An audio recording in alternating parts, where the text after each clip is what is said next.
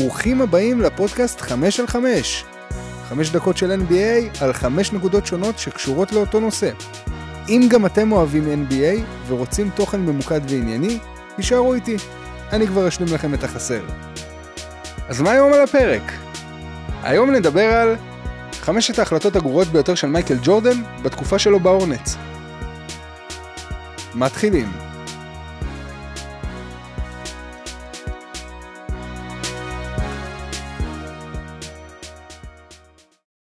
אז הנקודה הראשונה היא ההתנהלות הכושלת. החלטות ההעסקה שלו לגבי general manager ים ומאמנים מאז שקנה את הקבוצה ב-2010 היוו בארגון כאוס אחד גדול. ג'ורדן ראה דלת מסתובבת של עובדים בתפקידים מובילים. התחלופה המתמדת גרמה לאוהדים והפרשנים לפקפק ביציבות ובכיוון של ה franchise. דוגמה מצוינת הייתה רצף המאמנים, מלארי בראון ועד פול סיילס, מייק דנלפ, סטיב קליפורד וג'יימס בורגו. בעוד שכל מאמן הביא את הסגנון והגישה שלו, החוסר בעקביות, ביציבות ובמנהיגות הקשה על הקבוצה לבסס זהות ברורה והצלחה לטווח ארוך. באופן דומה, ההעסקה והעזיבה של מנהלי הקבוצה, רוד היגינס, ריץ' צ'ו ומיץ' קופצ'אק, עוררו חששות לגבי היכולת של הארגון לבנות סגל מגובש. חוסר ההמשכיות הן בתפקידי האימון והן בתפקידי הניהול, הפריע ליכולת של ההורנץ לפתח תרבות ארגונית מנצחת ועקבית, שמשיגה הצלחה מתמשכת על המגרש.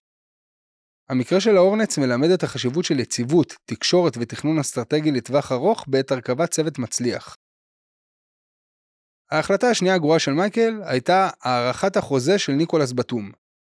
ב-2016 ההורנץ החליטו להחתים את ניקולס בתום לחוזה של חמש שנים בשווי 120 מיליון דולרים.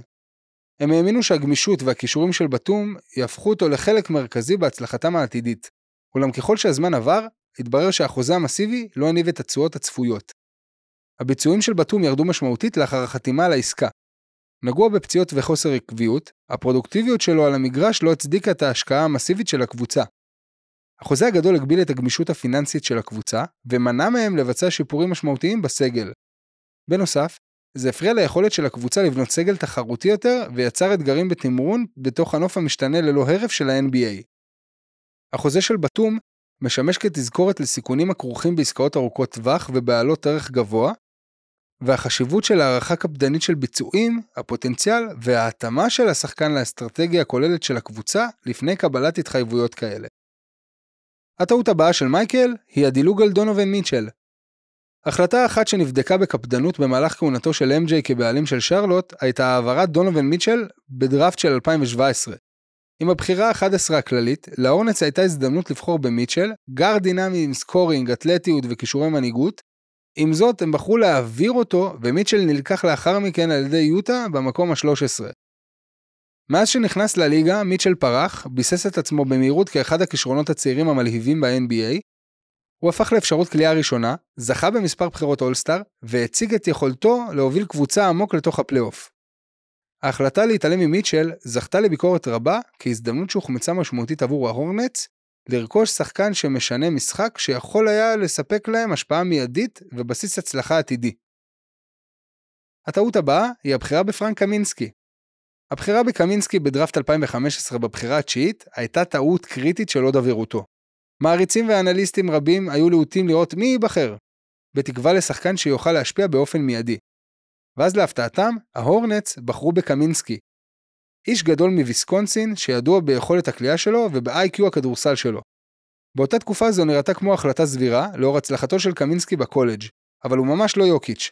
עם זאת, ככל שהתגלגלה קריירת ה-NBA שלו, התברר שהוא מתקשה לעמוד בציפיות שהוטלו עליו. קמינסקי לא הצליח לבסס את עצמו כתורם עקבי ולהשפיע משמעותית על הפרקט. המגבלות שלו בהגנה וחוסר הדומיננטיות בצבע הותירו רבים לתהות האם יש אפשרות טובה יותר זמינה במקום הזה בדראפט. במבט לאחור, דילוג על שחקנים כמו דווין בוקר שנבחר רק שתי בחירות מאוחר יותר, הוסיפה עוד יותר לאכזבה סביב קמינסקי. הבחירה בקמינסקי נחשבת כנראה להזדמנות הכי מפוספסת עבור ההורנץ לקבל שחקן עם פוטנציאל ארוך טווח והשפעה. תיקון? הבחירה בקמינסקי נחשבת כנראה להזדמנות הכי מפוספסת עבור ההורנץ לקבל שחקן עם פוטנציאל והשוואה לטווח ארוך. והנקודה האחרונה שאדבר עליה היא הבחירה באדם מוריסון, ללא ספק אחת ההחלטות הגרועות ביותר שקיבל מייקל ג'ורדן במהלך התקופה שלו בשרלוט. דמיינו את זה, דראפט 2006, בחירה מספר 3, ג'ורדן והורנץ בוחרים באדם מוריסון, scorer פורה מגונזאגה. ההייפ היה אמיתי. לרוב, ההצלחה במכללות מתורגמת לרמה המקצוענית. אבל כשמוריסון התקדם ל-NBA, המשחק שלו נשאר בקולג'. פציעות, הגנה דלה וחוסר יעילות הטרידו את הקריירה של מוריסון, והותירו את האוהדים והמבקרים מאוכזבים מאוד. מה שמחמיר את זה, זה שההורנץ דילגו על כוכבים עתידיים כמו ברנדון רוי ורודי גיי. זה סיפור אזהרה שמזכיר לכולנו שהצלחה בקולג'ים לא מבטיחה הצלחה ב-NBA, ואת הסיכונים הכרוכים בדראפט על סמך הישגי העבר בלבד. תודה שהאזנתם, עד כאן להיום ב-5 על 5. אני הייתי דקל סלמון, שיהיה לכם יום נפלא, להתראות.